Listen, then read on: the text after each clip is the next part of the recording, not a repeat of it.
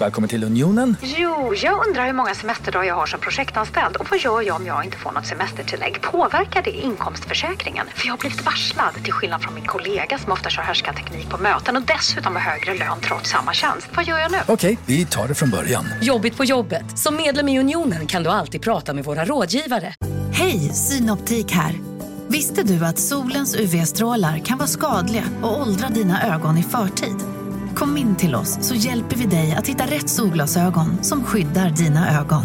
Välkommen till Synoptik. CSRD, ännu en förkortning som väcker känslor hos företagare. Men lugn, våra rådgivare här på PWC har koll på det som din verksamhet berörs av. Från hållbarhetslösningar och nya regelverk till affärsutveckling och ansvarsfulla AI-strategier. Välkommen till PWC. Nej, det, det har inte blivit så. Du har inte det? det? är inte heller så mycket pengar. Vi betalar, tar tillbaka massa av våra...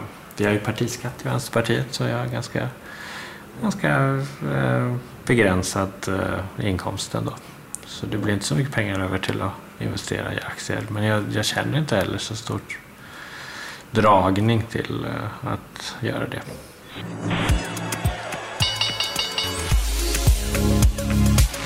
Det här är Affärsvärlden Magasin med Helene Rådstein.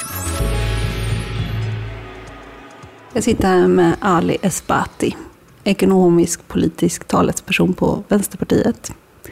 Och var sitter vi någonstans egentligen? Uh, vi sitter i en uh, tyst läsesal på uh, biblioteket i Visby, eller Almedalsbiblioteket. Du sa jag får lov att sitta, jag är känd, jag får lov att sätta mig här. Nej, det sa jag inte. Men uh, tvärtom. Men, uh, men nu sitter vi här. Det går väl bra. Um, igår så var jag och lyssnade på när ni drog... Um, ni säger det behöver, behövs 700 miljarder kronor till klimatinvesteringar. Så var jag och lyssnade på när du pratade om det. Och jag tyckte det var intressant vart pengarna ska komma ifrån. Vad säger du? Ja, alltså de 700 miljarderna som vi eh, skissar på är ju över tio års period, alltså ungefär 70 miljarder per år. Och eh, de eh, blir ju så att säga tillgängliga för, för staten att investera om man växlar från det nuvarande överskottsmålet på en tredjedels procent av BNP per år till att under en tioårsperiod ha ett underskott på ungefär en procent av BNP som man räknar med. Det innebär ju då att man då gör som man normalt sett gör med investeringar, det vill säga man lånar eh, till investeringar eftersom man tänker att de ska ge avkastning i framtiden och att det eh, inte är rimligt att eh, hela kostnaden bärs av precis den samtida generationen i, i, över en löpande budget så att säga. En stat behöver faktiskt inte gå med överskott. Hur tänker du kring det? Jo, men precis. Det, det är två aspekter där. Det första är ju så här, är det, är det vettigt att göra så? Vad får det för effekter på statsskuldens utveckling? Och där kan vi väl konstatera att med rimliga antaganden så skulle vi, även om vi gjorde så, alltså över tioårsperiod, 1 procents BNP ungefär underskott, så skulle den svenska bruttoskulden fortfarande ligga långt, långt under vad som nu är till exempel genomsnittet i, i EU. Så vi har ju väldigt, väldigt låg statsskuld. Men den andra aspekten av det är ju hur det funkar egentligen med statens upplåning. Att det är ganska viktigt att veta att det inte funkar på samma sätt som för ett hushåll eller ett företag. Staten har ju en annan funktion och har ju eh, egen beskattningsrätt och, och, så att säga kontroll över den egna valutan. Men det är lite mer eh, överkurs i det här fallet, utan här är det även med liksom väldigt basic förutsättningar och antaganden om hur den statliga upplåningen funkar, så skulle det vara både vettigt och, och rimligt att investera lånebaserat i den storleksordningen. Det är ju otroligt mycket pengar ändå. Eh, samtidigt så är det ju inte det om man tänker på de investeringsbehov som finns eller på statens samlade ekonomi. Alltså 70 miljarder 700 miljarder. Jo, men det är Nej, 70 70 miljarder per år. Det gör rejäl skillnad. Men det är samtidigt inte några eh, fantasisummor alls, utan det, är, eh, det skulle innebära en, en, en ökning i investeringstakten. Men, men fortfarande som sagt, alltså, då skulle vi efter tio år så skulle man med rimliga antaganden gå från en, en svensk bruttoskuld på under 30 procent av BNP till runt 40 procent och genomsnittet idag i EU-länderna är 90 procent av BNP. Så det är liksom, vi har ganska mycket att spela med, så att säga. Om det är så att vi bedömer att de här investeringarna är, är vettiga och att det finns utrymme för dem och att det finns behov för dem.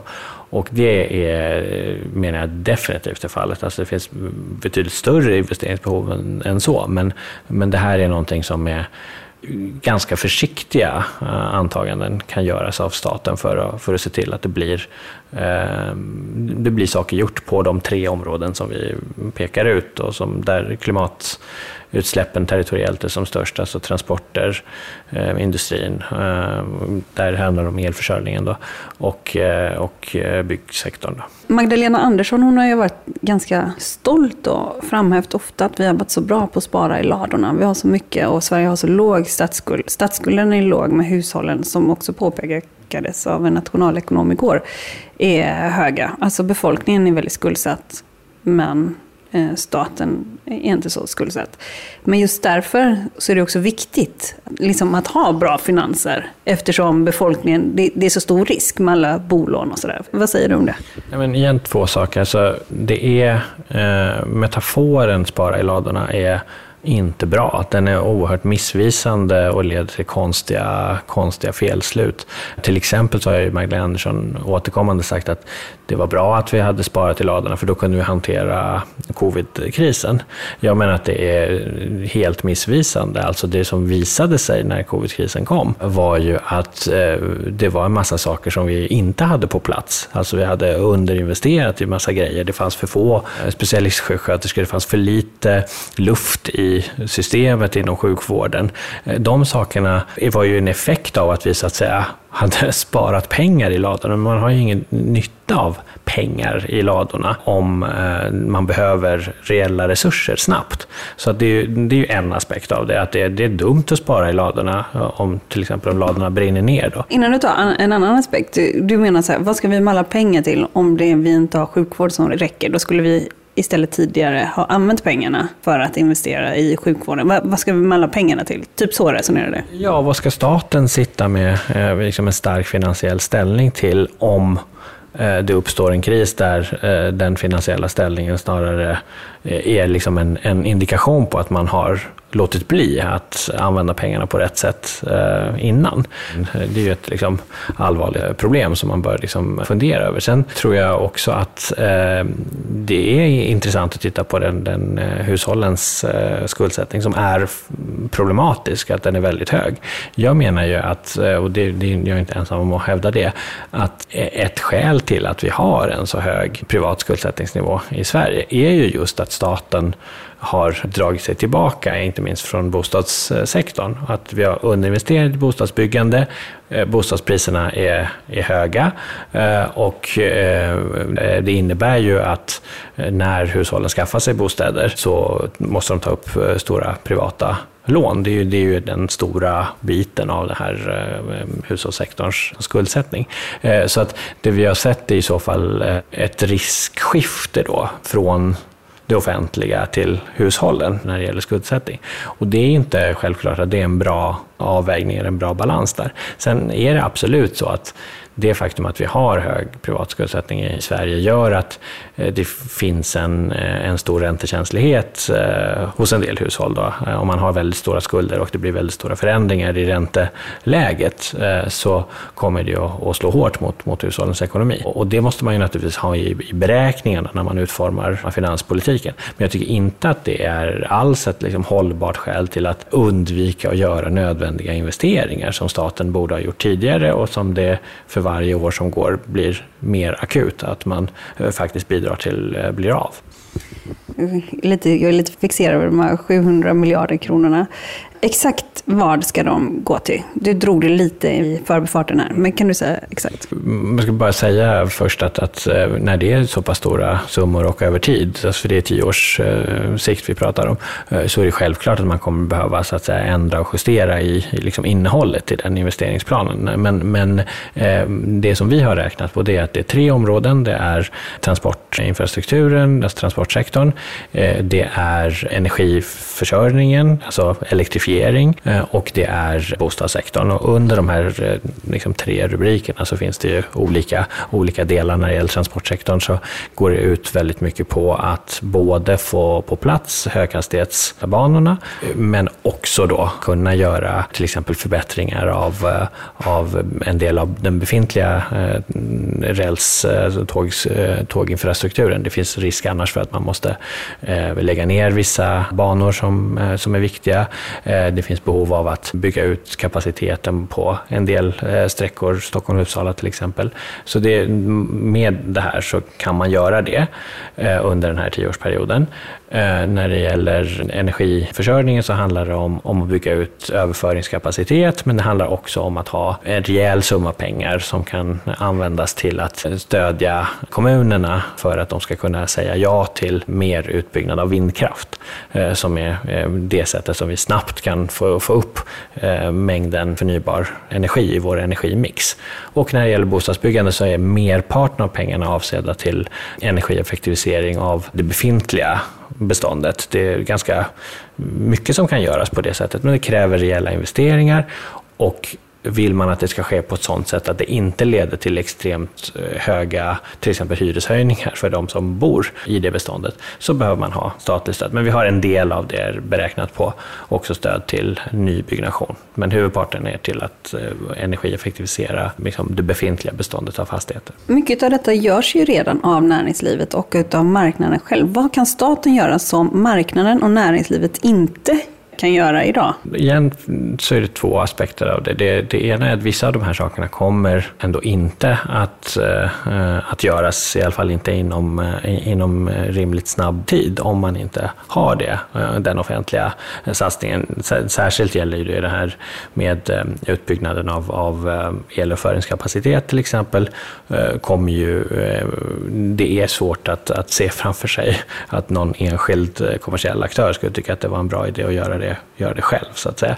Och vi ser även med transportinfrastrukturen att liksom tidsspannet för när saker och ting eh, görs eh, behöver ändras eh, om vi, om vi ska kunna lättare nå våra klimatmål till exempel och få över mer både gods och persontransporter på, på räls istället för väg och, och flyg. Då. Det, det är en tidsaspekt där, men det är också en aspekt av framtida kontroll. Alltså att en del av de här sakerna skulle göras ändå, men då skulle det eh, innebära att vi i framtiden sitter med en mycket större del av vår transportinfrastruktur till exempel, eller annan känslig infrastruktur som ligger utanför den svenska offentliga eh, kontrollen. Och i, i praktiken, som vi har sett också runt om, i, eh, runt om i Europa, så kan ju det innebära att vi får andra statliga aktörer som i praktiken är inne och äger och kontrollerar delar av vår energiinfrastruktur till exempel. Och det, jag tror inte det är självklart att, eh, att, man, att man vill att det ska vara på det sättet. Det handlar om politiska prioriteringar i grunden. Du vill inte att det ska vara så i alla fall?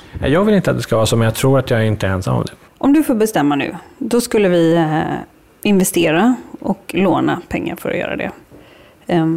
För du tror inte näringslivet... Du, du, du, du tror inte att, att de skulle lösa det? Nej. nej. Alltså, jo, eh, nej, nej, inte om man bara tänker så här, ja men det där löser marknaden. Nej, det tror jag inte. Och det, det, det finns ganska Eh, goda historiska eh, skäl till att eh, inte tro det och vi ser hur vad som händer. Behoven är jättestora för klimatomställning och det kommer inte att göras tillräckligt snabbt om, om vi bara tänker att det där ska liksom lösa sig.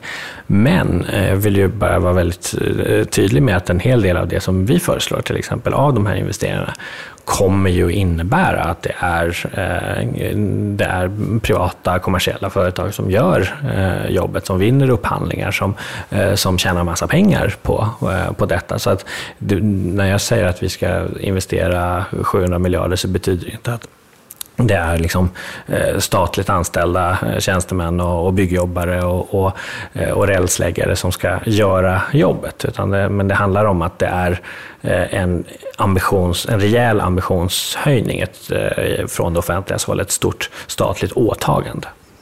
Um, när jag var på Petter Stordalens mingel igår, du var inte där? Uh, nej, jag var inte på Petter Stordalens mingel. Ingen annan heller. uh, inget mingel heller? Nej, vi hade en liten egen eh, fest efter Norses tal, men inget, inget mingel. Vad gjorde ni på den festen? Ja, vi, vi var på ett ställe, det var något band som spelade uh, lite blues och så. Ja. Men en som var där var Johan Persson på Liberalerna och så sa jag att jag skulle träffa dig idag. Och då eh, så sa jag, ja, det känns ju inte som att de kommer med några mesiga förslag direkt. Mm. Um, och då så sa han, nej, men uh, om dig så sa han, nej, men uh, han är ju också gammal kommunist. Det ska man ju komma ihåg. Det här är ju något som, ja men dels har du ju varit det när du var på Ung Vänster. Och dels är det ju något som återkommer kring dig hela tiden.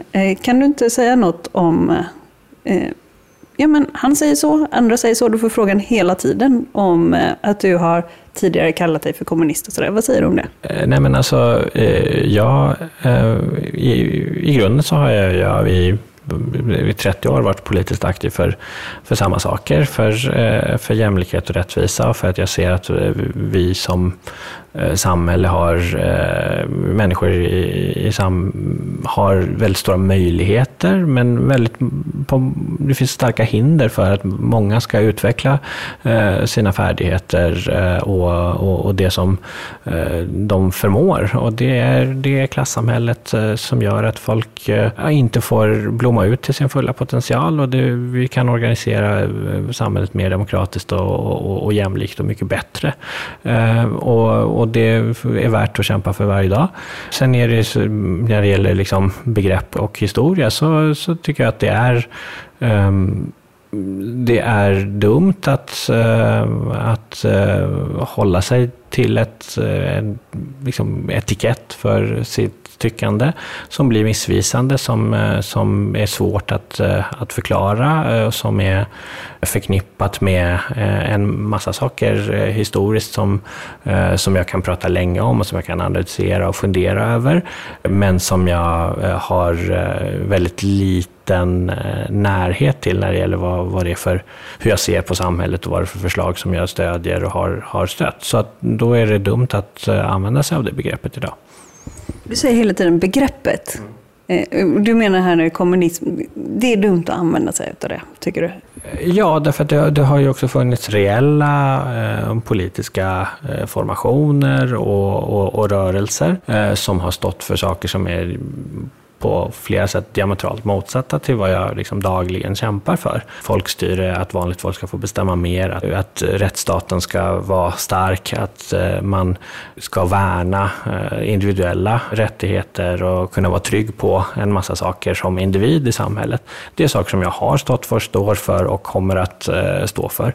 Och det har stått i, i kontrast mot vad eh, som har eh, gjorts av eh, rörelser som har kallat sig för kommunistiska, som har under, under historiska perioder runt om i världen eh, stått för enorma övergrepp. Och det där går att liksom fundera över i historiska liksom sammanhang. Hur har det blivit så? Vad kan man dra för slutsatser? Jag har tänkt mycket på det, jag tänker mycket på det.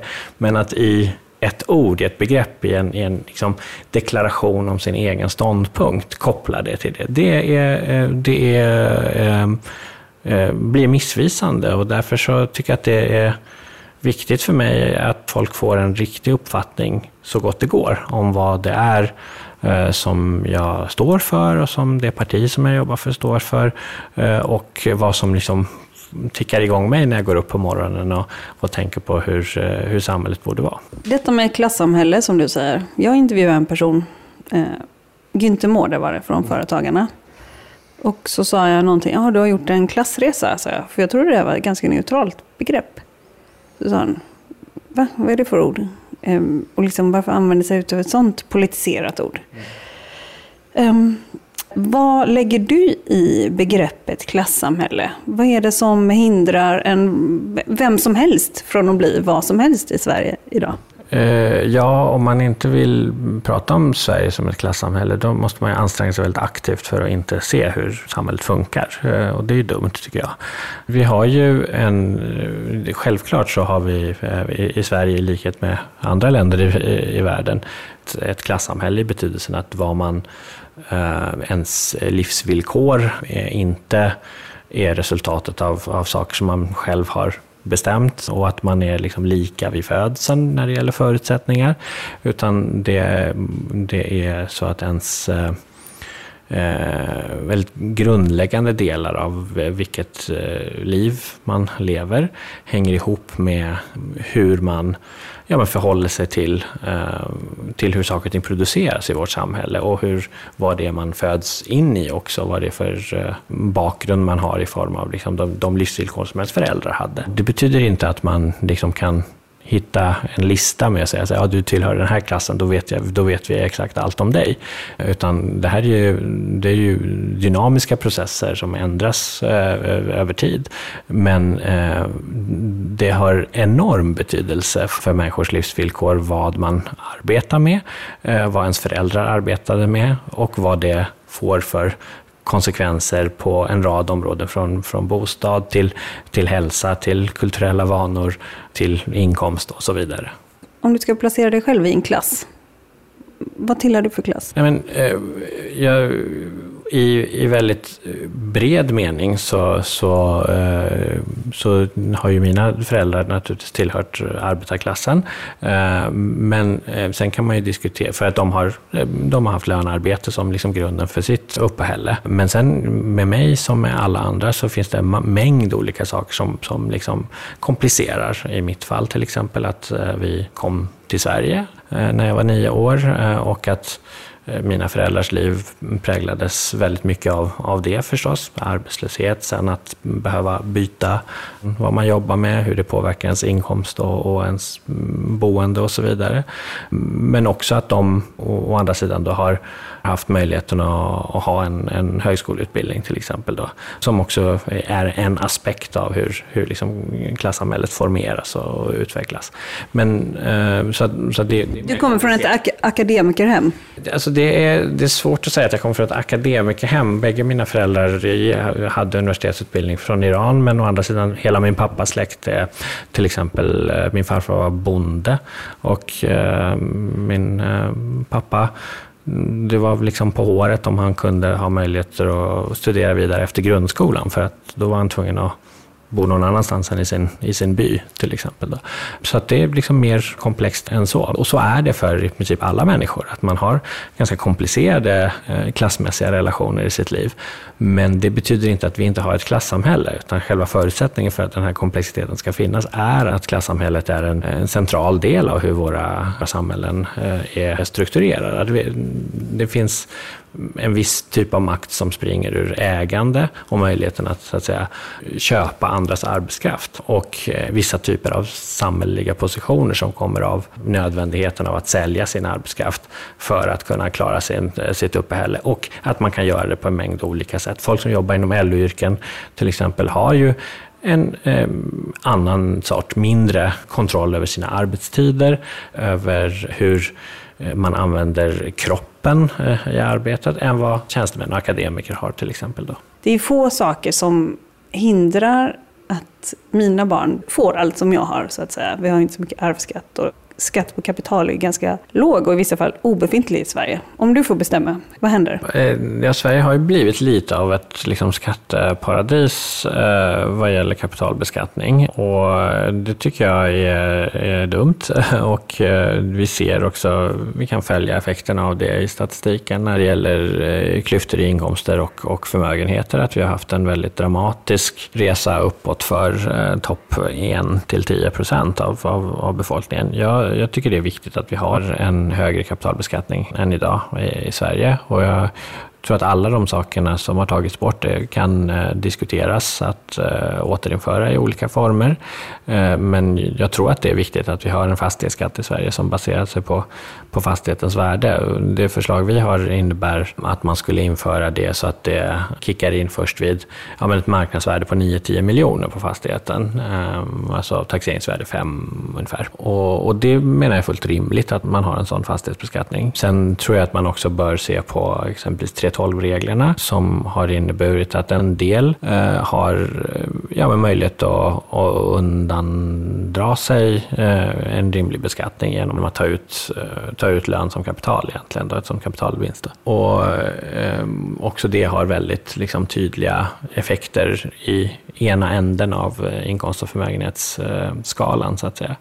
Och allt det här, alltså, Eh, skulle ju innebära en, en resursomfördelning som jag tror är väldigt rimlig, inte bara av så här, rätt, allmänna rättviseskäl, utan, utan också för att den här extrema ökningen av förmögenhets och inkomstklyftor är negativ för den allmänna ekonomiska utvecklingen i ett land. Till skillnad från hur, hur det ibland eh, låter när man hör liksom, marknadsevangelister, så betyder ju väldigt mycket på, av liksom, modern ekonomisk forskning på att det är ett ganska stort problem för sådana såna saker som tillväxt i, i bred bemärkelse, eh, när ett land får en, eh, en extremt skev inkomst och, och förmögenhetsfördelning. Att det skapar eh, hämningar och hinder i, i den ekonomiska utvecklingen. Vad är det för något, marknadsevangelister? Nej men det, det, det folk som eh, liksom eh, har en, eh, har en eh, ska jag säga, liksom religiös uppfattning av, av liksom marknadsmekanismer som det som, det som löser alla eh, problem. Att det blir liksom hipp hipp hurra eh, om man eh, låter marknadens osynliga hand liksom verka. Det är en väldigt platt samhällssyn skulle jag säga.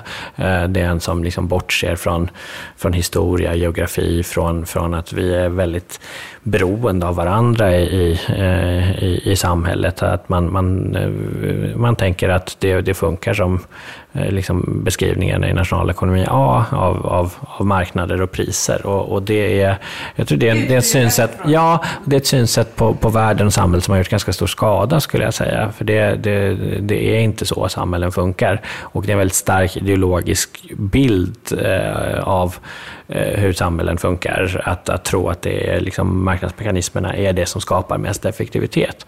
Uh, och, och, det leder gärna till en tro att den som är, Eh, alltså att om man tror att man blir eh, rik för att man har gjort någonting eh, bra eh, och eh, enbart då, och att hur bedömer man om någonting är bra? Jo, det är för att någon har blivit rik. Så det blir ett cirkelresonemang då, som liksom i grunden då är, ska befrämja en viss typ av liksom ekonomisk status quo som jag tror är, är mm, problematisk och orättvis och hämmande för många människor.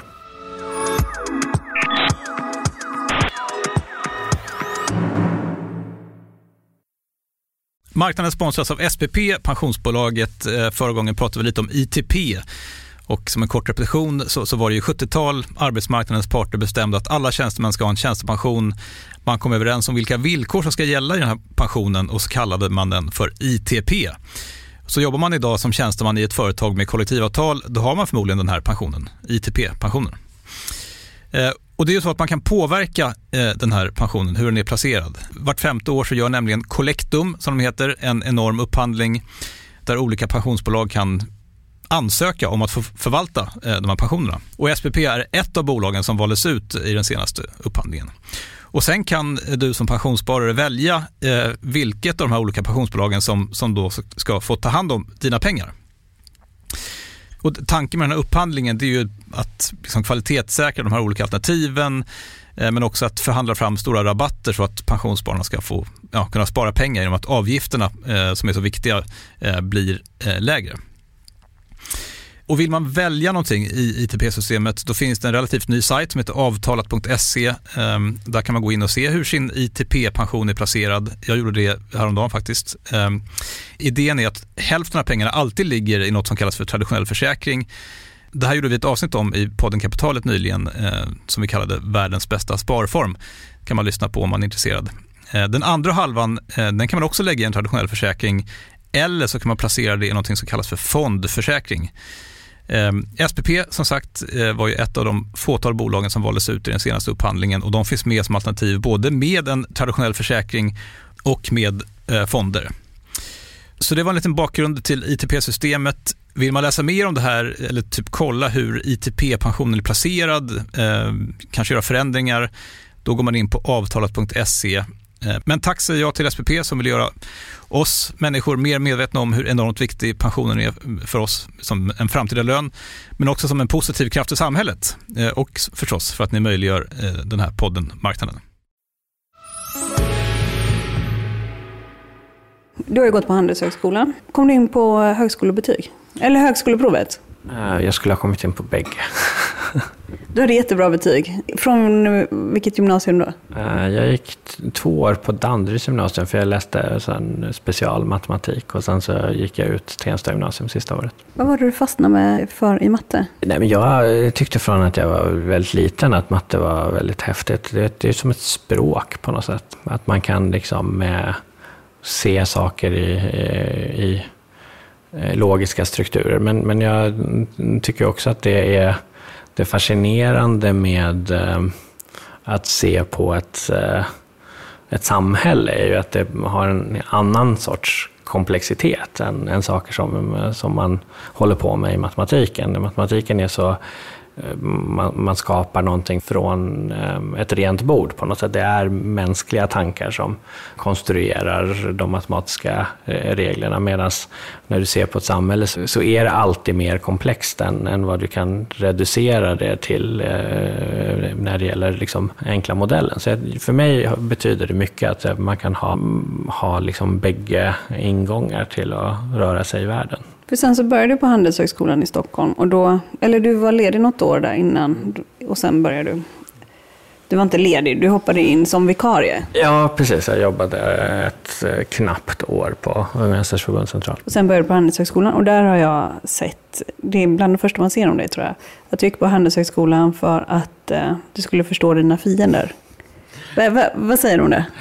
Jo, men, eh, nej, men jag sa väl det i några, några intervjuer, men, men eh, det stämmer väl på sätt och vis. Alltså, jag menar, om jag bara hade följt mitt hjärta utan att tänka att det skulle vara liksom politiskt intressant eller relevant eller användbart så så jag hade nog kanske läst litteraturhistoria kanske.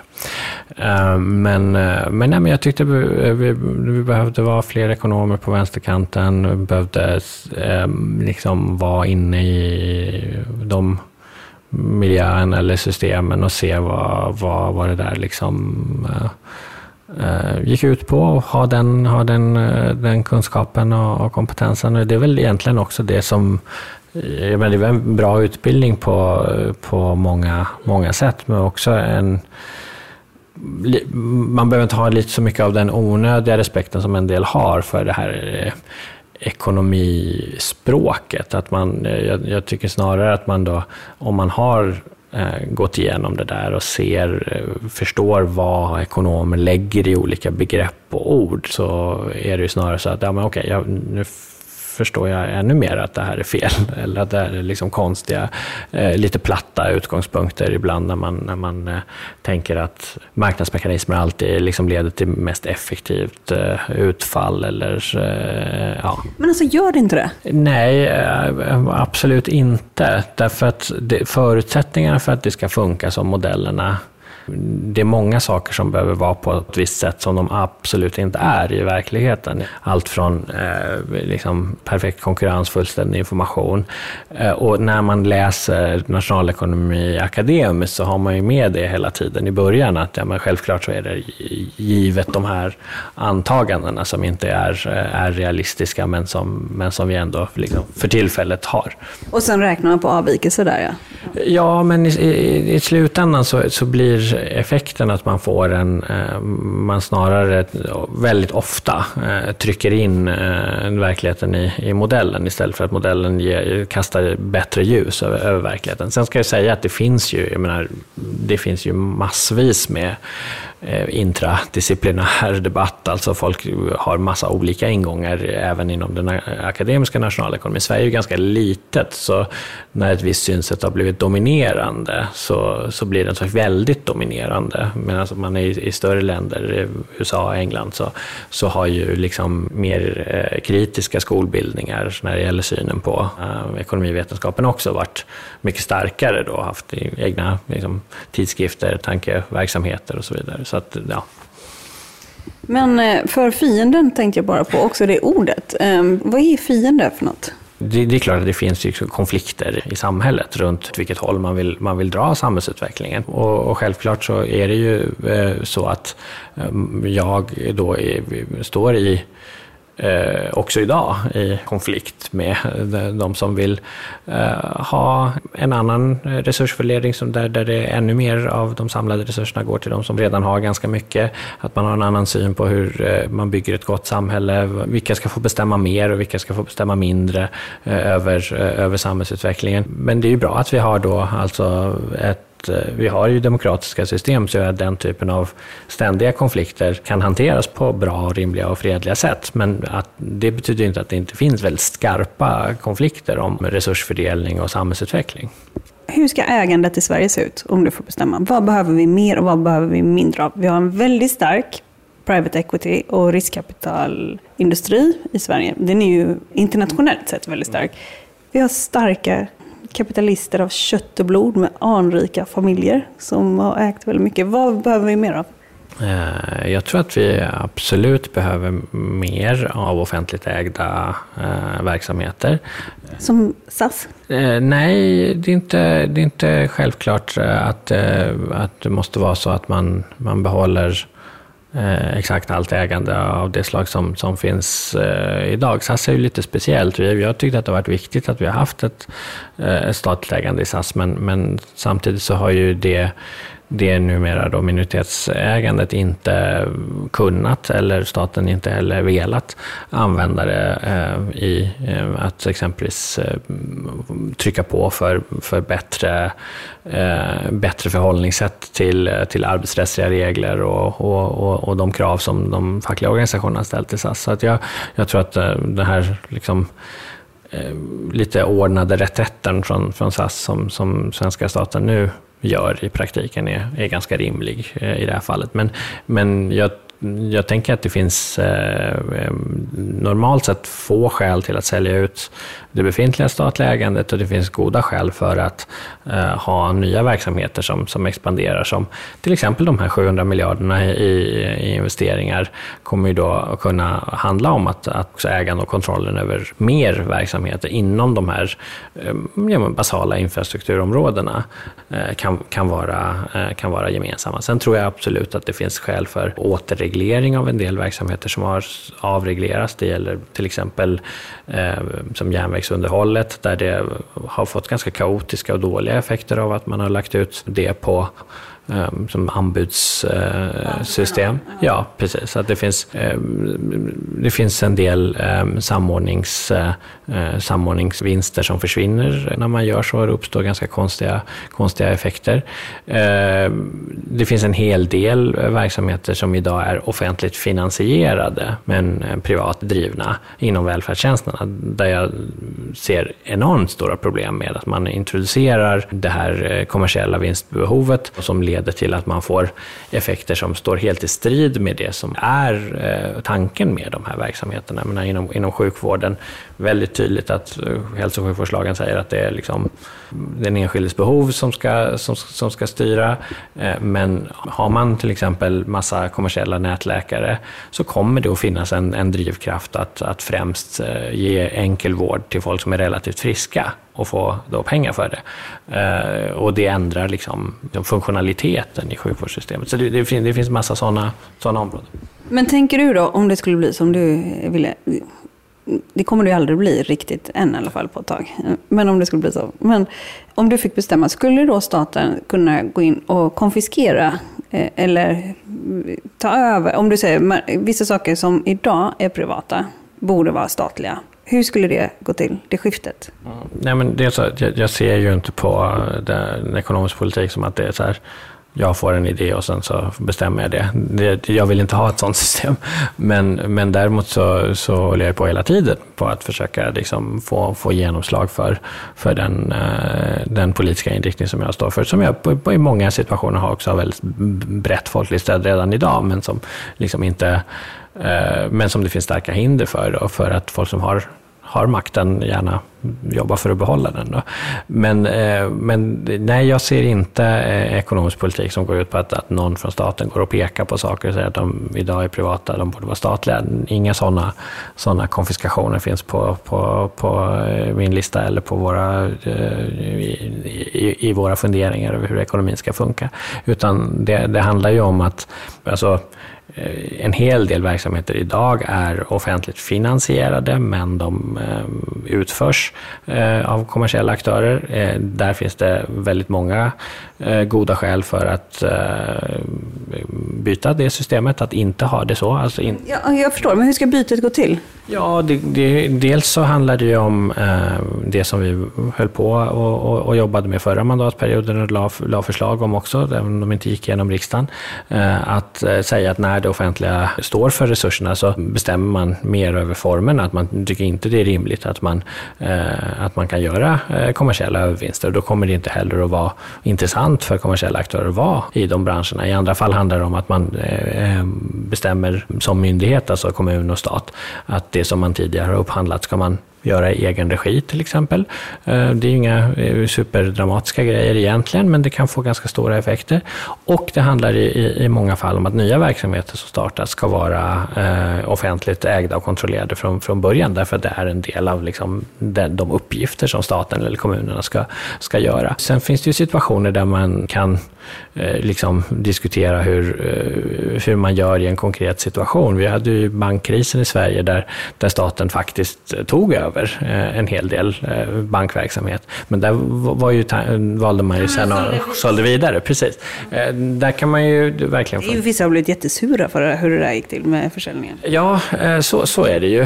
Men, men man kan ju också fundera över, finns det, finns det skäl till att, att, att staten äger Eh, liksom bankverksamhet själv. Och, det tycker jag att det gör i grunden. Banksektorn är väldigt speciell. Eh, vi, vi betraktar ju redan idag med gällande lagstiftning inte bankerna som liksom vilka företag som helst, utan det finns enorma implicita garantier eh, som, som bankerna tjänar gott på. Skälet till det är att vi betraktar ju eh, bankerna som en del av en helt nödvändig liksom, eh, finansiell infrastruktur i ett modernt samhälle och att det skulle vara eh, inte acceptabelt att bara säga oj, då, nu gick den där banken i konkurs och den också. Så skulle ju inte, alltså staten kommer ju inte agera så, utan man garanterar att de här bankerna finns, finns kvar. Då är det också rimligt att tänka, ska de då bedrivas som vilken kommersiell verksamhet som helst med sina vinstkrav och sina utdelningar och så.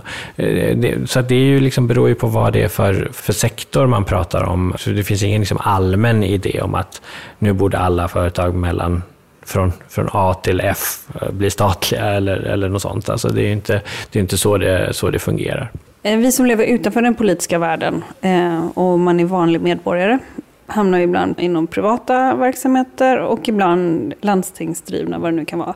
Bra är bra, dåligt är dåligt. Är det så noga, liksom, om det är privat eller om det är offentligt? Men spelar det någon roll, det här funkar bra, det här funkar inte bra. Ja. Det, det, där förutsätter ju ett, ett synsätt om att om, om du har privata eh, alltså kommersiella verksamheter inom, eh, inom sjukvården, eller äldreomsorgen eller skolan, så påverkar det inte resten av systemet. Det är precis det som är poängen, att det är ju hel, det är, det är, det är, det är på systemnivå som det, blir, eh, som det blir förändringar. Och det finns absolut, eh, jag skulle säga typ alla som jobbar med äldreomsorg eller sjukvård eller skola eh, i, eh, i privata verksamheter, gör ju naturligtvis sitt allra bästa och gör säkert ett fantastiskt jobb. Det är, ju, det är ju hur vi använder våra samlade resurser för att få bästa resultat för alla in, in, som, som behöver sjukvård, som behöver äldreomsorg, som behöver eh, utbildning, som, som är frågan här. Då. Eh, och, eh, och, och, det betyder ju inte att liksom folk som jobbar med, med till exempel eh, äldreomsorg inom, inom en, en, en kommersiell verksamhet eh, idag, att de på något sätt ska liksom försvinna. Eh, utan det handlar ju bara om alltså, hur funkar liksom resursfördelningen och vad är det för typ av, eh, vad är det typ av, av mål och incitament som man har då? Eh, och, och, och i, i, huvudsak kommer det vara samma människor som gör, som gör samma jobb, men, eh, men under liksom rimligare och bättre förutsättningar. Det är ju det är så, liksom, så vi ser på eh, behovet av att ta tillbaka kontrollen över, eh, över våra gemensamt finansierade välfärdstjänster. Du menar det är lite utan kontroll nu? Ja, absolut. Inom skolans område är det ju helt extremt, men det är ju även så inom eh, det är väldigt allvarliga problem som finns inom sjukvården och äldreomsorgen. I Stockholm när, eh, när man liksom släppte äldreomsorgen fritt så fick vi ju det här eh, märkliga situationen att det fanns liksom företag som heter AAAA och så namn för att komma först på listan bland, bland liksom, eh, folk som skulle välja.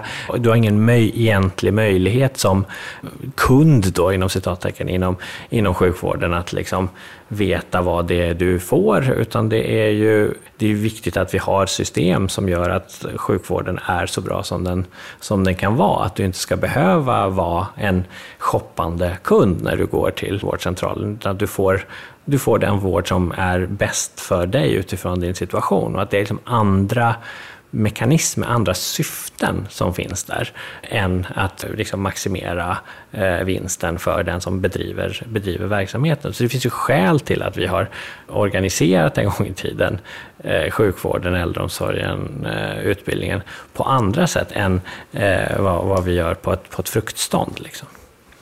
Men många marknadsförespråkare de skulle säga ja men vi här genomför man detta mer effektivt. Det, det är ju faktiskt ett väldigt vanligt argument. Vi gör det här mer effektivt. Det blir mindre eh, slöseri med skattemedel när vi gör det, för vi gör det mer effektivt. Det, det, är ju liksom huvudargumentet ja. väldigt ofta. Ja, men, eh, det är ett problem med det argumentet är att det är fel. Alltså det, alltså det, det, det låter sig inte visa i, eh, i, i, verkligheten. Det uppstår en mängd andra problem som är väl beforskade, eh, som man kan tydligt peka på, som också är liksom möjliga att förklara varför det blir på det sättet. Därför att alla marknader är inte likadana och det med verksamheter som utbildning, som sjukvård, som äldreomsorg eh, så finns det andra centrala värden som då går förlorade om man, om man gör på det, på det sättet. Då. Och när det gäller sjukvård till exempel så kan vi konstatera eh, helt förväntat väntat i och för sig att när vi har fri etableringsrätt för vårdcentraler så dyker det upp massa vårdcentraler på Östermalm där, där folk relativt sett är friska. Men det dyker inte upp nya vårdcentraler i, i, i Rinkeby eller Botkyrka. Eh, därför att eh, det kommer att då så att säga kosta mer att bedriva verksamhet där. Men poängen med att ha ett fungerande vårdsystem är att folk får vård efter behov. Eh, och då står ju detta liksom i direkt kontrast till det. Nu har du varit inne på, det är inte vem som helst som ska få äga vad som helst, men ägandet i sig brukar ju också vara väldigt centralt. Hur, ser du på det? Nej, men, eh, det, vi har ju en liksom, avancerad och komplex ekonomi eh, och, och, jag tycker det är rimligt att det finns eh, liksom, möjlighet att ha en mängd olika olika former av, eh, av privat ägande. Men det finns också viktiga eh, skäl till att eh, begränsa vilka verksamheter som överhuvudtaget är öppna för kommersiellt ägande. Men sen finns det ju också, och det, det finns ju redan idag begränsningar på hur hur ett kommersiellt ägande kan användas. Men där kan det absolut finnas skäl till att ha ytterligare begränsningar. Eh, jag tänker till exempel på den finansiella sidan. Då. Till exempel i en bank. Då. Eh, ska man kunna eh, sammanföra helt och hållet utlåningsverksamhet och, och investeringsverksamhet? Det är inte självklart för det finns massa risker inbyggda i det. Ska det finnas begränsningar på vad man kan göra, göra derivat av på finansmarknaden? För där finns det igen då risker som kan vara väldigt väldigt svåröverskådliga men som då på systemnivå i slutändan kan hamna hos då skattebetalarna. Det skulle inte vara första gången i, i västvärldens historia som man, som man inför olika regleringar utan all, all, all sån verksamhet är ju i grunden reglerad men vi har haft en, en utveckling sedan 80-talet, 90-talet i alla fall, där det har skett ganska mycket liksom, avreglering eh, av den finansiella sidan av, av, eh, av ägandet och med det så har det ju följt en hel del, eh, hel del risker eh, och en en hel del eh, ja, förmögenhetsomstrukturering som har gynnat de som har ganska mycket sedan förut. Då. Också lett till ett visst sätt att, att se på ekonomin. Jag tycker inte det är självklart att allt ska kunna finansialiseras på det sätt som kan ske idag. Eh, därför att det leder till en förvridning av vad det är som blir styrande för verksamheter. Alltså att, att den finansiella sidan har ju fått väldigt stor ökning av makt och inflytande över hur företagsvärlden generellt eh, sköts. Då. Och, det tror jag det finns liksom en mängd olika sätt att eh, liksom, ja, begränsa eller ha, eh, ha, ha regelverk som för tillbaka verksamheten. Att det är mer av, av förankring i, i det som faktiskt görs och att man får bära sina egna samhällskostnader mer än vad som eh, idag blir fallet. Då.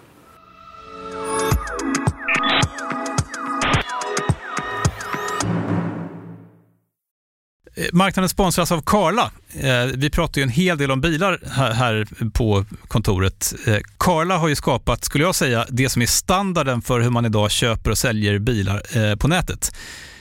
Kort bakgrund bara. Karla säljer och leasar begagnade elbilar och laddhybrider på karla.se. Alltså en helt digital upplevelse. Och man har gjort det här med ett nästan maniskt fokus på vad en bilköpare faktiskt behöver. Jag gjorde ju en intervju med en av grundarna, Patrik Illerstig, i marknaden här eh, ganska nyligen, eh, daterad 25 mars, om man vill lyssna på den. Eh, men där berättar han hur de kom in i det här lite från vänster för att försöka uppfinna hela den här liksom bilköpupplevelsen från början. Och de har idag, vilket är rätt otroligt, 4,8 i betyg eh, på Trustpilot. Jag, jag har sett många företagssidor på Trustpilot, men det här är nog bland eh, det bästa jag någonsin sett faktiskt. Man kan sälja bilen till Karla också. Eh, då går man in på karla.se, delar lite info om bilen, sen får man en gratis värdering och ett bud. De hämtar bilen helt gratis i hela Sverige och så har man pengarna på kontot i samma stund som de hämtar bilen. Det är grymt. Eh, så ska du köpa en ny bil eller sälja din gamla, eller båda delar för den delen, gå in på karla.se och eh, kolla. Alltså karla.se och Karla stavas med C. Tack så mycket till Karla. Du är ju en överlevare ju, kan man säga, från terrorattentat på Utöja. Um, ehm, och uh, kan du berätta lite kort vad som hände? Ja, alltså jag, jag jobbade Eh, ehm, um, 2011 så jobbade jag på um, en ehm, norsk tankesmedja som jag var med och startade uh, som ett manifest. Och i den egenskapen av, av eh, som utredare där så var jag skulle hålla föredrag på Norska socialdemokratiska ungdomsförbundets sommarläger som de har på Utöja varje år. Då. AUF heter, heter de.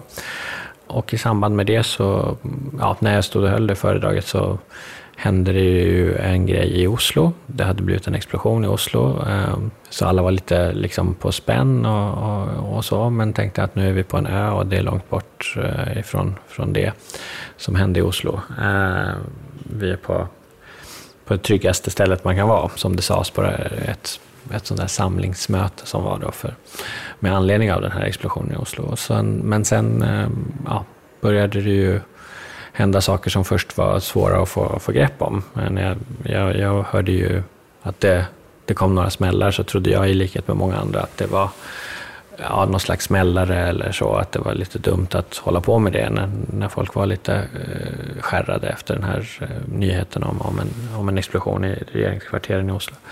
Men det visade sig just stegvis att det var något annat och, eh, och hemskt. Ehm, um, om jag, ja, jag ska berätta vad, vad som hände mig så, så sprang jag ut från den liksom, matsalen där, där vi var, fortfarande utan att riktigt veta vad det var som, som hände. Nerför, nerför en liten sluttning och, eh, och kunde liksom i bakhuvudet konstatera att var det så att jag såg liksom två personer längre borta på, på gräset som, som låg ner, eller jag vet, vet inte.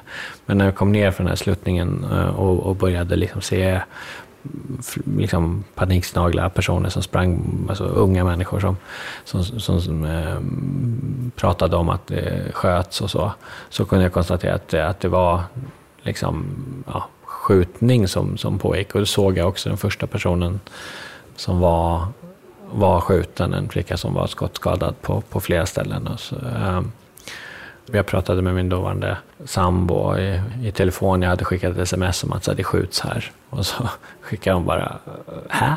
Vad menar du? Liksom. Kunde vi liksom konstatera att jo, men det, det skjuts här, men det kommer att gå bra. Tänkte. Det var också omöjligt fortfarande då att tänka sig att det var liksom en person som gick och sköt, för det sköt så oerhört många skott. Så att det var liksom jättesvårt att tänka sig. Jag trodde att det var liksom antingen liksom en stor grupp som som var där. Eller att det redan var kanske polis på plats, man sköt mot varandra så att säga. Det var ju först senare som vi fick veta att det var en, var en person med, med, väldigt, väldigt mycket ammunition som gick fram och tillbaka och laddade om så att säga. Och så bara helt enkelt gick och, och mördade huvudsakligen barn då, som var på den här ön. Jag, eh, ja, jag sprang runt eh, och försökte göra det som vi hade också blivit tillsagda när jag ringde larmnumret. Att försöka hålla sig undan, röra sig bort från liksom där det lät som att det, det sköts. Och det gick väl liksom bra fram tills precis mot slutet. Eller jag såg ju flera personer som också var under den här liksom flykten runt, runt ön. Att det var fler personer som hade, eh, hade sår eller var, var, var skadade. Ehm, men som också då fortsatte att fly. Men efter en ganska lång stund då så, så det var faktiskt så att min telefon ringde, jag hade den på ljudlös och så var det Eh, så var det ett hemligt nummer, eller det var så här okänt nummer. Eh, och jag tänkte att det här kan, det kan vara någon som försöker sälja försäkringar eller något. Eller så är det en journalist. Eh, så tog jag telefonen, det var faktiskt det var TT som ringde, så jag gjorde faktiskt en TT-intervju på ön. Jag minns att jag ville inte överdriva, liksom, så jag sa att jag, jag jag har sett folk som är skadade, kanske döda, för jag hade ju inte sett någon som jag kunde se var, var dödad. Och hade väldigt svårt att överblicka fortfarande liksom, hur många som, som kunde ha, eh, ha blivit eh, skjutna. Eh, och så hörde jag en helikopter i luften som jag då utgick från var från, från polisen, som senare visade sig inte vara det, utan det var journalisthelikopter som var först på plats. Så att säga. Och sen så la jag på och gick ner till, till vattnet och tänkte att nu får jag bara vänta. Jag kunde också se blåljus på landsidan så jag tänkte att det, nu är det ju klart, vi bara väntar på att vi blir liksom e-, evakuerade. Men då eh, hörde jag liksom prassel bakom mig och vände mig om och då står det en stor eh, blond man med ett stort eh, vapen och säger eh, ta det med ro, ta det lugnt, det är, politi, det är polisen. Men samtidigt så lyfter han sitt vapen. Så inser jag att okay, det här är han, nu, nu kanske jag dör helt enkelt. Och eh, ja, men jag sprang ut, jag var ju vatten, nära vatten, precis vid vattenkanten och så sprang jag Eh, ut i vattnet lite och, och, och så. Snubblade och sådär, skar upp lite händerna. Um, och hörde då, då hörde jag skotten väldigt, väldigt nära med metalliskt ljud precis i närheten. Och tänkte att nu blir jag skjuten liksom i ryggen eller i bakhuvudet. Så Men när jag liksom vände mig om i vattnet och började blicka in mot ön igen så var han borta. Um, och jag vet ju nu, eh, eller i efterhand, då, att det var, det var där i det området som han, som han dödade de sista personerna som han sköt ihjäl. Han blev eh, gripen strax efter. Um, men det visste jag inte då, utan jag, jag låg i vattnet och kunde se på, på bägge sidor om mig eh, andra som levde och var också i vattenkanten. Så där, där låg jag då tills ehm, tills den riktiga polisen kom så att säga och sa att vi kunde komma upp i vattnet. Um, så det var liksom historien om vad som var, hände, hände där. Sen blev vi liksom e-, evakuerade då till landsidan och förda till ett hotell som började spontant användas som liksom uppsamlingsställe. Och det, Eh, den biten är ju egentligen liksom kanske ännu mer liksom känslomässigt eh, upprivande kvar i, i minnet. Se alla de här liksom eh, barn och ungdomar som kommer upp där och är liksom letar efter sina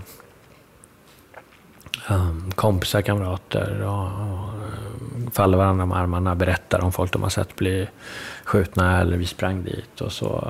Ehm, eh, och sen komma till det här uppsamlingshotellet och då försöka få information, eller ge, också ge information. Jag kunde ju inte tala om då, eftersom min telefon, jag hade telefonen i handen när jag hamnade i vattnet, så, så, så dog ju telefonen då. Och jag hade ju haft kontakt, sms-kontakt med min sambo som då var gravid med vårt, eh, vårt barn då, som, skulle, eh, som föddes sen i oktober. Ja, vi hade ju skickat ganska mycket sms fram och tillbaka och sen så försvann ju jag. Så hon trodde ju att jag antagligen då kanske, eller ja, eh, var död då helt enkelt. Så jag fick skriva efter att vi hade kommit dit och, och så kunde, kunde jag äntligen skriva på Facebook att jag lever. Plus kan någon, kan någon ringa till min mamma? Och så. Jag blev ju hämtad liksom, eh, av min sambo och hennes mamma eh, på, på småtimmarna. Eh, men där, där blev ju kvar de som ja, föräldrar kom dit och liksom se om deras barn var där. Liksom.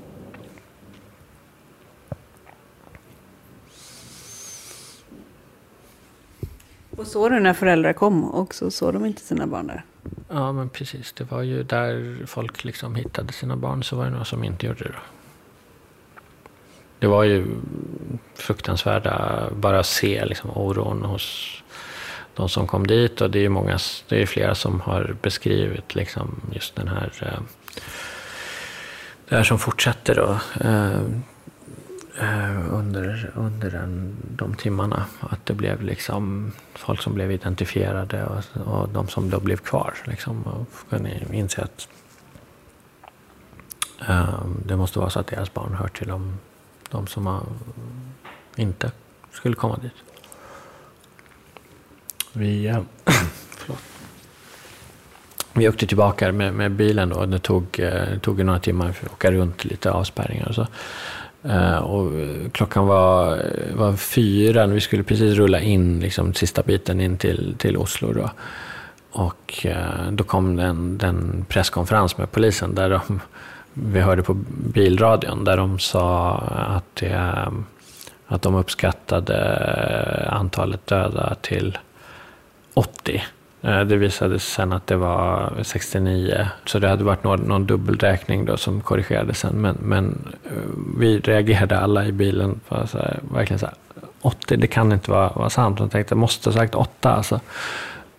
Men att, den, att storleksordningen var, så, var sån var också svårbegripligt, även när man hade själv varit där. För jag hade liksom, även om det är en liten ö så var jag hade liksom, jag hade ju sett några som var skadade och så, eh, men men ingen, jag såg ingen bli, bli skjuten. Men en del av dem som, som var där har ju sett liksom sina, ja, sina kompisar och kamrater bli nedmejade, skjutna i huvudet liksom framför dem. Ehm, så att det som kom, hela den processen efteråt med vittnesmålen och med rättegången och med hanteringen, och det var ju också en ganska stor och omfattande process. Alltså. Också utdragen. Och du var också med och vittnade ju. Eh, nej, jag var inte med och vittnade. Eh, jag, var, jag var på rättegången eh, eh några dagar, men jag var inte med och vittnade. Mm. nej, jag har däremot skrivit en bok. Mm. men nej, jag, men jag var på rättegången både de första dagarna och de sista. men jag hörde inte till, till, till de som vittnade. Det var så pass många som, som var det.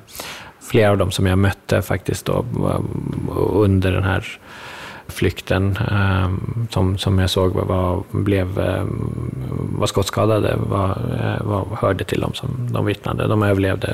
Det var ju... För jag tänkte, med din bok, ja du har skrivit en bok, det kom förra året, efter, tio år efter Utøya. Um, ehm, jag tänker ibland när du har jobbat inom politiken, eller varit verksam 30 år, att eh, det man ser blir också ganska politiserat till slut. Alltså Utöja har ju också blivit det, tycker jag är tydligt i din bok. Men du har en poäng som är värd att tänka på lite. Och det är begreppet ensam galning som eh, Ja, men kan du kommentera det som jag säger, att du liksom också, det finns ett, en politiserad bild utav den händelsen och eh, den här ensamma galningen. Kan du säga något om det?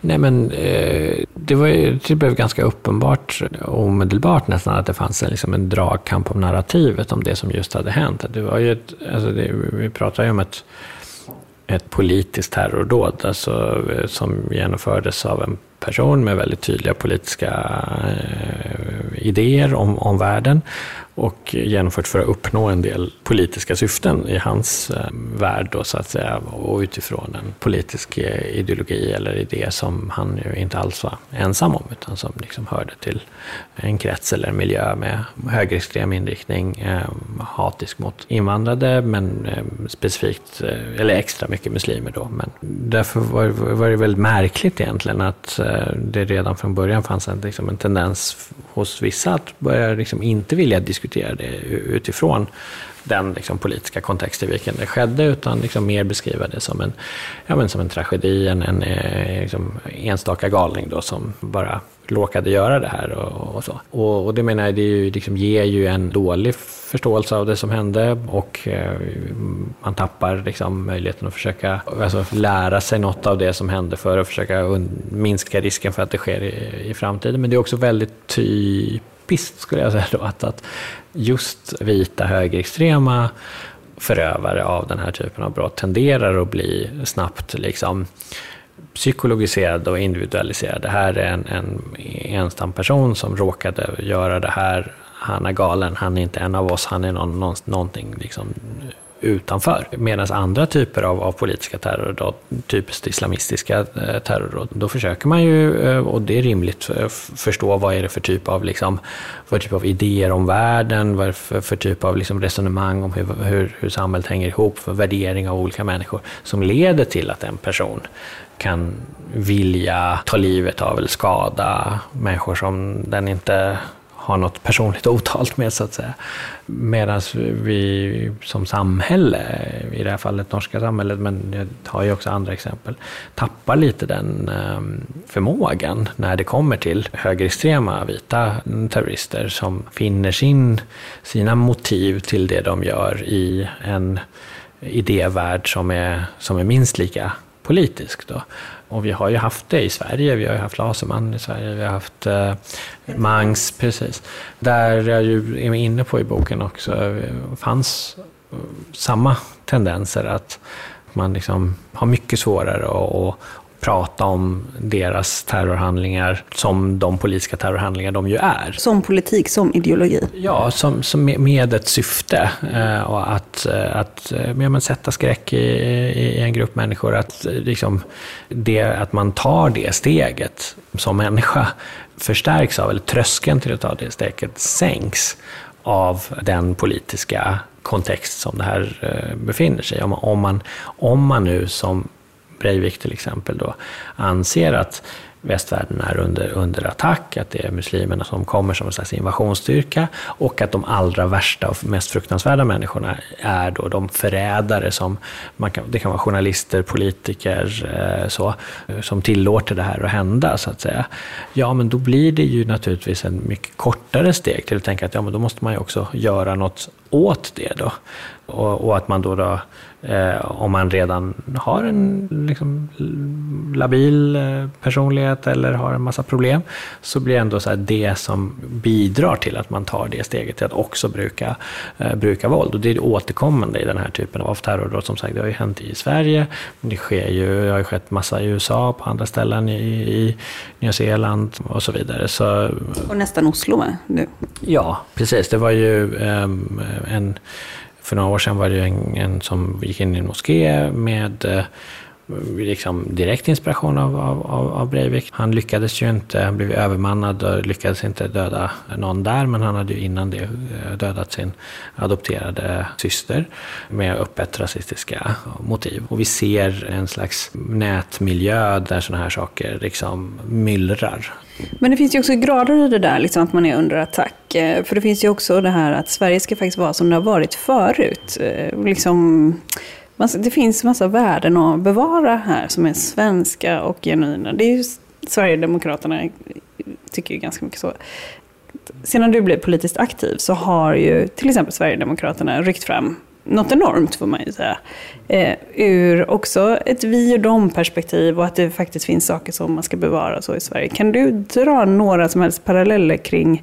Alltså, eller? Ja, men alltså ehm, i, i sak så skulle ju liksom det som eh, Sverigedemokraterna står för var, eh, innebära några av de liksom största brotten med vad Sverige är och vilka liksom, värderingar som över tid har kommit att finnas i, i Sverige. Det är mest liksom, avvikande från det eh, av, av alla liksom, idag politiskt aktiva partier. Utan det är ju, eh, det är ju en, liksom, en väldigt eh, förljugen bild av vad det är man, man försöker så att säga, frammana för, eh, för bild av hur Sverige har varit, som inte hänger ihop med politiska strider som har tagits för att bygga upp de liksom, välfärdssystem vi har och med det de värderingar som, som, som förstärks, eh, men bara är kopplat till vad man eh, Ja, men liksom, det, är, det är ju hudfärg och hårfärg som ligger där och, och det är det är en ganska dålig grund att bygga, bygga liksom en, en, eh, en samhällsgemenskap på, eh, får man ju säga.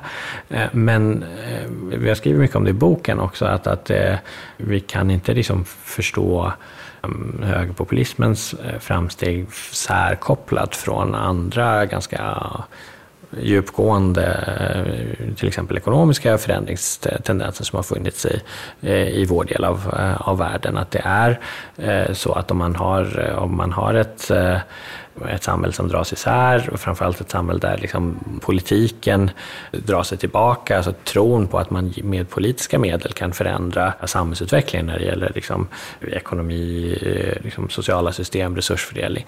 Då öppnar det, och det är inte alls bara i Sverige utan verkligen i hela västvärlden, Eh, då öppnar det fältet för politiska krafter som har eh, andra ingångar till vad de ser som viktigt. Så att det blir andra typer av konflikter som blir utslagsgivande då för vad folk, eh, vad folk väljer för parti och sådär.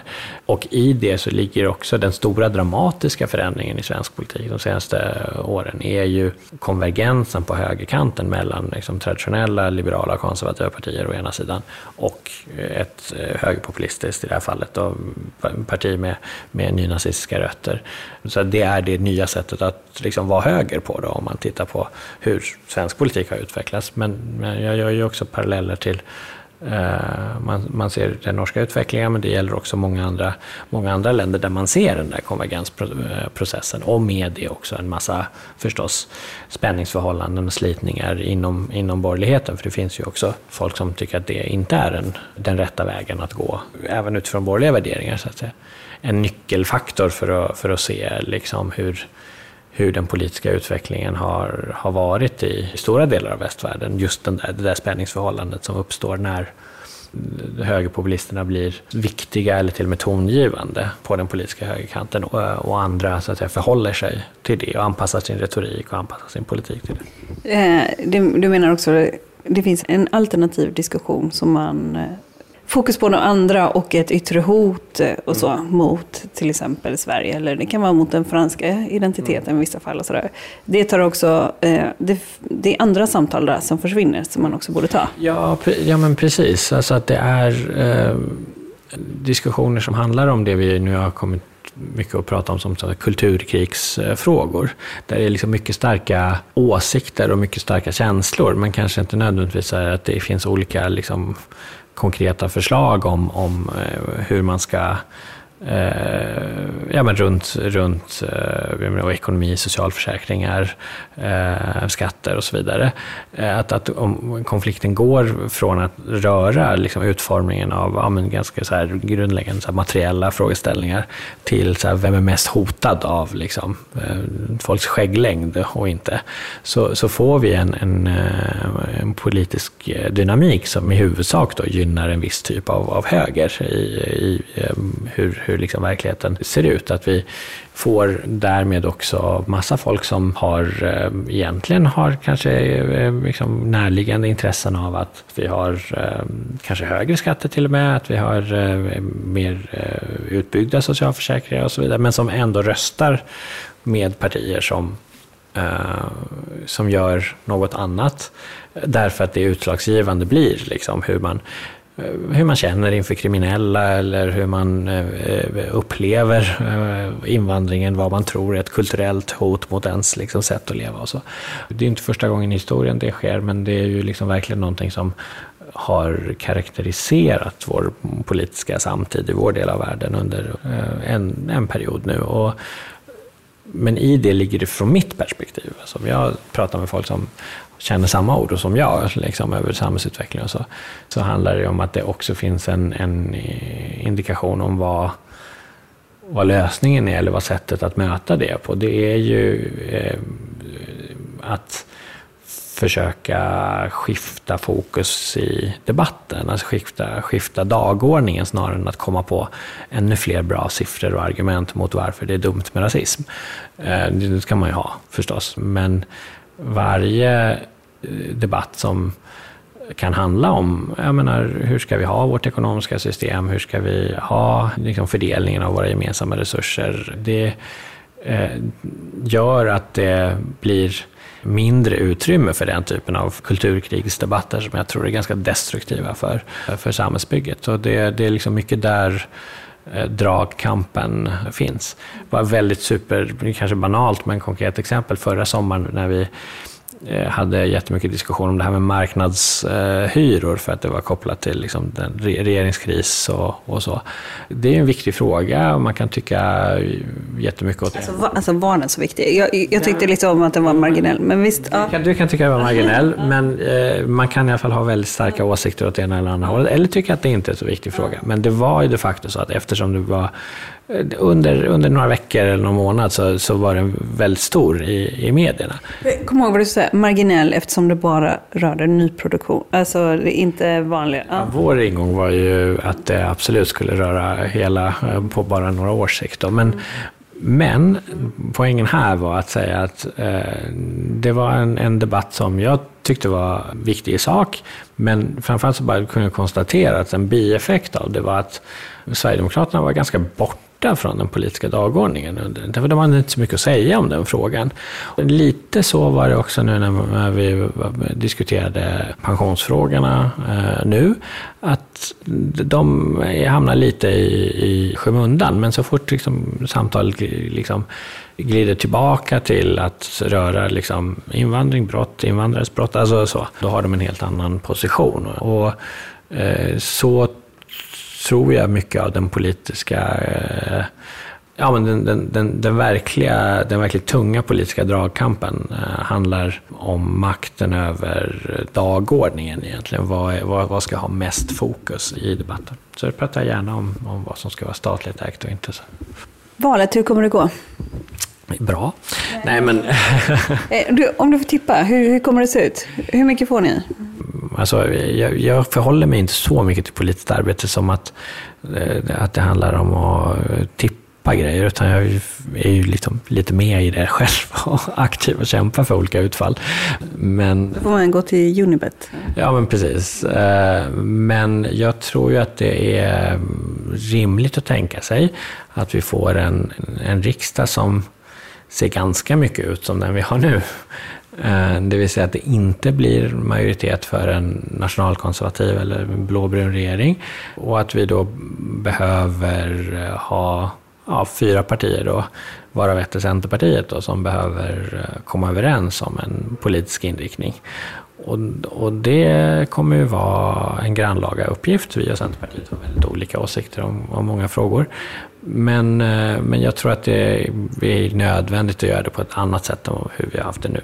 Ja, inte minst ekonomiska frågor. Jag sitter och tjuvkikar lite i din väska. Vad har du i väskan? Kan man få... få... Det är någon bok. Ja, ja, det var en tjock bok. Vet du vad det är för bok? Nej. Det är en bok från... Jaha, skämtar kan, kan, kan, du läsa? Det är Refat El Sayeds memoarer, Makten och ärligheten, skriven av honom och Carl Hamilton. Då. Och jag eh, blev nyfiken. Den är faktiskt lånad då på riksdagsbiblioteket. Men den, eh, jag läste Andreas eh, Cervenkas bok I Sverige. Och där i någon bisats så nämner han den. Och då blev jag nyfiken eh, och ville läsa den. Jag tycker att det var en fascinerande tid. Jag har precis kommit till, jag kommit till Sverige 86. Minns lite efterspelet eh, till det här med Fermenta och så. Men det är en eh, jäkligt eh, märklig och intressant läsning om en, om en tid och liksom en tid där finansialiseringen av näringslivet slår igenom. Han, liksom, man ser det från hans perspektiv att de här liksom, killarna på Götabanken som man skriver om och, blir eh, blir liksom eh, viktiga och hur hans liksom, låneupplägg hos Handelsbanken och sätten att försöka liksom, använda, ehm, eh, ja, men, använda eh, finansiella tricks för att expandera verksamheten. Eh, att ehm, ehm, det får, eh, ja men, finansmarknaden får en helt annan eh, betydelse plötsligt än tidigare. Då. Och eh, man får en liten inblick av, av hur näringslivet en del av näringslivet i alla fall kunde funka på 80-talet. Um, uh, det, det, är ju mycket män kan man säga. Ja men så är det Så är det väl fortfarande. Och du är på sidan 214. Ja. Ja. Precis. Ja, vi har fortfarande inte kommit till den här ehm, ödesdigra eh, doktorshatt-historien. Då. Utan det här är liksom, än så länge är det liksom uppbyggnaden av, av uh, Fermenta och de här eh, sätten att eh, köpa upp eh, produktionskapacitet i andra, eh, andra delar av världen och göra lite deals. Den är väldigt så här, eh, det, det, är ju inte det är inte, en, en, det är inte ett litterärt storverk skulle jag säga, det här, men, men det, det är kul, kul och konstig läsning. Och den ligger i en tygpåse där, det också har, eh, där det står nej till marknadshyror. Ja. Och den har jag sett att den har du gått runt. Jag har ju sett det lite av och till här. Just det, ja, men den har jag gått runt. Men jag tycker att det, det, jag har, Vad har du något mer där då? Jag har eh, en eh, regeringens skrivelse, Riksrevisionens rapport om den årliga omräkningen av myndigheternas anslag. Supersexigt. Ja. Eh, nej, men jag har varit i en... Ja, det, den är helt nerklottrad. Ja, Vad har du skrivit? anteckningar för att jag var med i, en panel, i ett panelsamtal om mm. det här med det här produktivitetsavdraget i tilldelningen av, av medel. Ja. Och så har jag min, min skrivbok där jag har, brukar anteckna en massa till inför olika debatter och samtal och, och så nu jag, eh, som jag hade med. Ursäkta, det känns som din skrivstil, eh, man kanske inte ska recensera folks skrivstil, men det känns ju nästan som min morfars skrivstil. Det är något lite gammaldags eh, skrivstilsaktigt med det, eller? Ja, kanske. Jag kanske är gammal i själen. Nej, men jag, jo, men jag, jag, jag har ju jag är ju tillräckligt gammal för att ha skrivit mycket för hand. Och tycker, ja, så det är väl liksom det. Så, äh, men ja, jag har en, jag har en lite numera skriver ju folk oftast jättefult. Uh, ursäkta, jag tjuvkollar lite i din bok. Men här är tre grejer. Vad står det där? Punkt ett, eh, arbetarklass, nya och landsbygd. Punkt två, eh, det politiska läget och punkt tre valförberedelseåret 2021. Så det är till någon slags anförande eller så som jag har hållit i något internt sammanhang, tror jag. Stort tack till dig, Ali Esbati, för att du tog dig tid att prata med mig här. Tack för att jag fick vara med. Du har lyssnat på podden Affärsvärlden Magasin som utkommer varje vecka.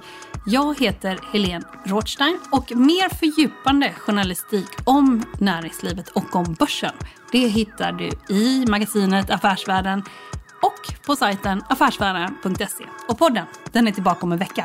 Håll ut!